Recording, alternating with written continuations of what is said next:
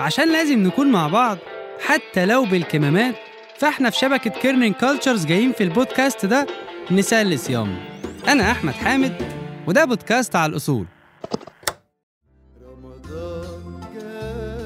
رمضان شهر الخيرات؟ أكيد شهر الحكايات ده كده كده. رمضان كمان شهر الذكريات وبطولة العالم في العزومات. وعزومات يعني كنافة بالجبنة كنافة بالمانجا كنافة بالنوتيلا. ويا عالم السنة دي هتبقى بإيه؟ حاجات كتيرة بنلاقي نفسنا بنرجع لها ونعملها كل سنة في شهر رمضان من غير ما نفكر. في كل حلقة هعرفكم على طقس من طقوس رمضان. والتاريخ العجيب اللي وراه.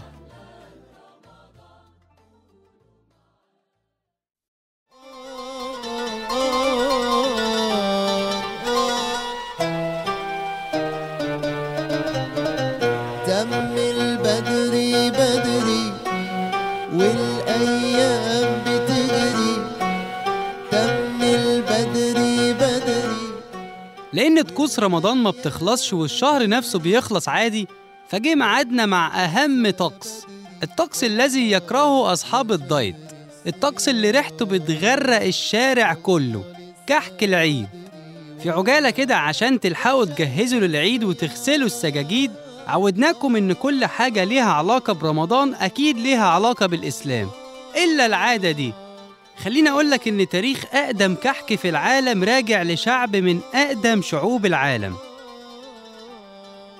من 5000 سنة كده وطبقا للرسوم الموجودة على بعض جدران معابد الفراعنة اكتشفوا إن مراتات الملوك كانت حريصة إنها تقدم كحك عليه صورة الشمس.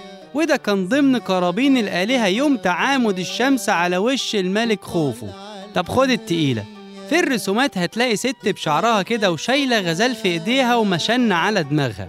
في المشنة دي هتلاقي كحك بنفس شكل الكحك الموجود لحد النهاردة. خد الأتقل. اكتشفوا كمان إن حشو الكحك ده كان عبارة عن بلح مجفف وعنب ونبق وفضلت العادة موجودة لحد ما جه الفتح الإسلامي وتحديدا الدولة الطولونية.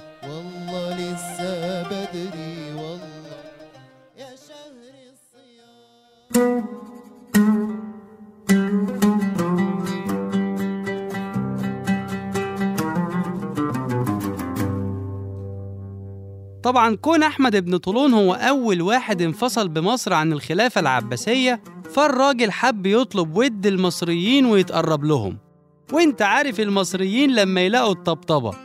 فالراجل أمر إن كحك العيد يتعمل مخصوص في مطابخ القصر. وأمر كمان إن يتكتب عليه عبارات زي بالشكر تدوم النعم وكل واشكر مولاك. حاضر. وبالرغم من إن الكحك بريء من ألاعيبهم السياسية إلا إن الدولة الإخشيدية اللي قضت على الدولة العباسية من قبلها كمان استغلته لنفس الأغراض. لا وبدأت تحط دنانير ذهب في قلب الكحك وانت ونصيبك.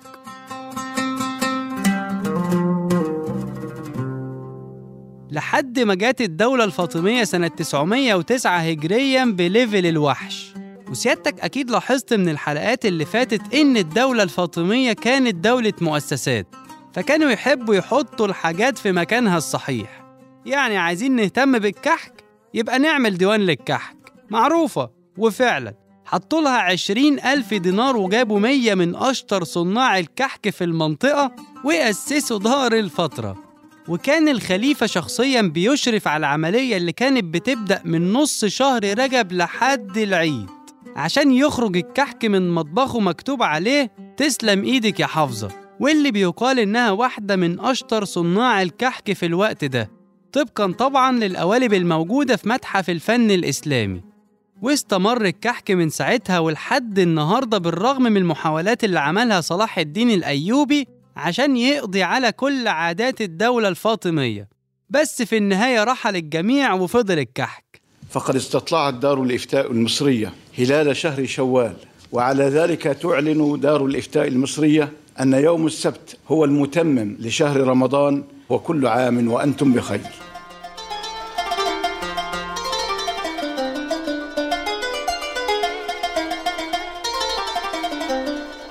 يا ليلة العيد أنستينا وجددت الأمل.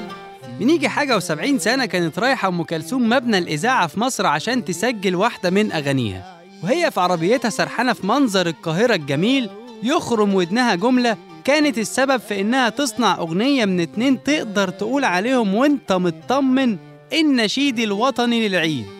سمعت أم كلثوم بائع متجول بينادي على بضاعته يا ليلة العيد أنستينا تسكت أبدا. فزي أي HR داخل على موظفينه وطالب منهم يحققوا ال target تطلب من بيرم التونسي أغنية يكون مطلعها يا ليلة العيد أنستينا. وطبعا كان شعور بيرم التونسي اللي هو لكن عشان دي كوكب الشرق بدأ فعلا بيرم التونسي يكتب الأغنية وعشان برضه ما يتخصملوش من مرتبه. بس للأسف الشديد ما قدرش بيرم التونسي يكملها لظروف مرضية. تسكت أم كلثوم أبدا. تطلب من شاعرها أحمد رامي واللي كان بيحبها إنه يكمل الأغنية. أيوة كان بيحبها ويقال إنه ما كانش قايل لها. وفعلا اتعملت الأغنية واتذاعت لايف في وقفة عيد الأضحى سنة 1937 تسكت أم كلثوم أبدا. بعد سنتين من إذاعتها للناس تطلب من رياض السنباطي يعيد تلحينها وتتغنى في وقفة عيد الفطر سنة 1939 وفضلت يا سيدي الأغنية على حالها لحد يومنا هذا. ويقال كمان إنه لما غنتها قدام الملك فاروق في حفلة من حفلاتها الملك قرر يديها لقب صاحبة العصمة. تسكت أم كلثوم؟ لا بقى المفروض تسكت هتاخد إيه أكتر من كده يعني؟ بس الحمد لله إن ربنا حط في طريقها البياع ده. وإلا تخيل مثلا أم كلثوم مشيت من طريق تاني في يومها أو صحيت متأخر سيكا. وما نقدرش ننكر إن عبقرية أم كلثوم وحسها وحدسها الفني ده اللي نحمد ربنا عليه فعلا إن أم كلثوم ما سكتتش. يا ليلة العيد أنستينا وجددت الأمل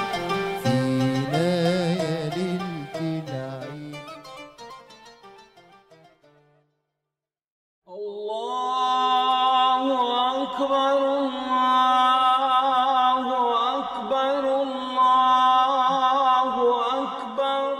سواء بقى هنصلي العيد أو محبوسين عشان الكوفيد يجي بقى دور الأغنية اللي سحلت أجيال معاها وكانت كفيلة كمان إنها تخدع أجيال كتير. السبب في إن الأغنية دي تطلع هو إن الملحن المصري جمال سلامة كان دايما يسأل نفسه وهو بيسمع يا ليلة العيد طب هو ليه مفيش أغنية أطفال في العيد؟ غيرة فنية بريئة ومشروعة. يسكت.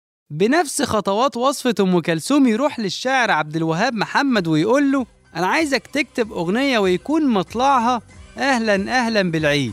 خلصوا كلام الأغنية وراحوا بيها لصفاء أبو السعود حيث إنها كانت مغنية الأطفال في الوقت ده. قالت لهم أهلا وسهلا اتفضلوا تشربوا إيه؟ قالوا لها نشرب شاي. خير يا جماعة. في الحقيقة إحنا جايين لك ومعانا أغنية أطفال للعيد ومتعشمين يعني إنك تغنيها. يا سلام أوي أوي. طبعا بتقول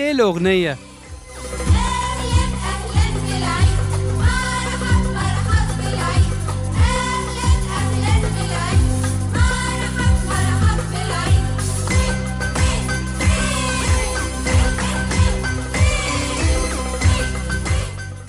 لا لا لا لا لا يا جماعة ما كانش العشم. الأغنية قليلة قوي عليا ومستحيل أغنيها. وغنت الأغنية واتصورت في الشارع كأول فيديو كليب متصور بره الاستوديو وقتها. وفيها صفاء أبو السعود متصورة بتركب عجل مع أطفال وراكبة ملاهي وبتلعب ببلالين وحاجات تانية كتير تفرح. فرحة. وأجمل فرحة. أما بقى سبب خداع الأغنية دي لأجيال كتير وهي إن في بعض كلماتها بتقول سعد نبيها بيخليها ذكرى جميلة لبعد العيد. أجيال كتير جدا كانت ويمكن لحد فترة قريبة كانوا فاكرين إن سعد نبيها ده شخص. بس في الحقيقة هي كانت سعد نبيها اللي هو إحنا ساعدنا بيها زي ما إحنا ساعدنا بيكم كده طول شهر رمضان. كل سنة وأنتم طيبين وما تنسوش تدوا العيدية لكل اللي بتحبوهم. وممكن تبعت لهم الحلقة دي على فكرة.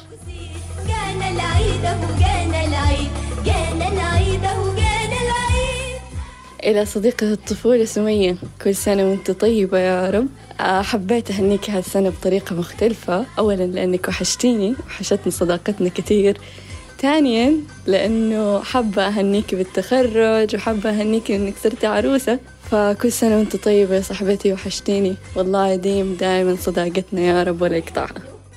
أو أنا بفكر أبعت لمين؟ أقول له كل سنة طيب. اكتشفت إن أنا مش عايز أبعت لحد معين على قد ما أنا عايز أبعت لكل حد أعرفه وكل حد ما أعرفوش. أقول له كل سنة طيب وعيد سعيد عليك. وأتمنى إنك تبقى لسه بتحاول تبسط نفسك وتبسط أي حد حواليك. وشكرا إنك لسه بتحاول في كل الاحوال وفريق عمل البودكاست كله حابب يهدي الحلقة دي للطفل يونس ممدوح وبنقول له نورت كوكب الأرض. ويتربى في عزك يا نادين شاكر انت وباباه. ونتمنى يا رب تكونوا اتبسطتوا في آخر حلقات بودكاست على الأصول. على أمل نتقابل من جديد ومشاوير جديدة لبلاد عربية جديدة. أخوة برا وجوة كله فرح وهنا وزغاريد غنوا معايا غنوا قولوا ورايا.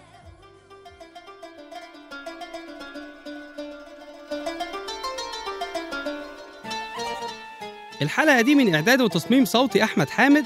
ساهم في الكتابة محمد يحيى تحرير نادين شاكر تدقيق حقايق لينا الديب دعم تحريري شهد بن عودة وهبة عفيفي إشراف صوتي محمد خريزات ومكساج بول ألوف غنى وعزف الموسيقى لعمر كروان وأغنية رمضان جانا الفابريكا باند للمسرح الغنائي.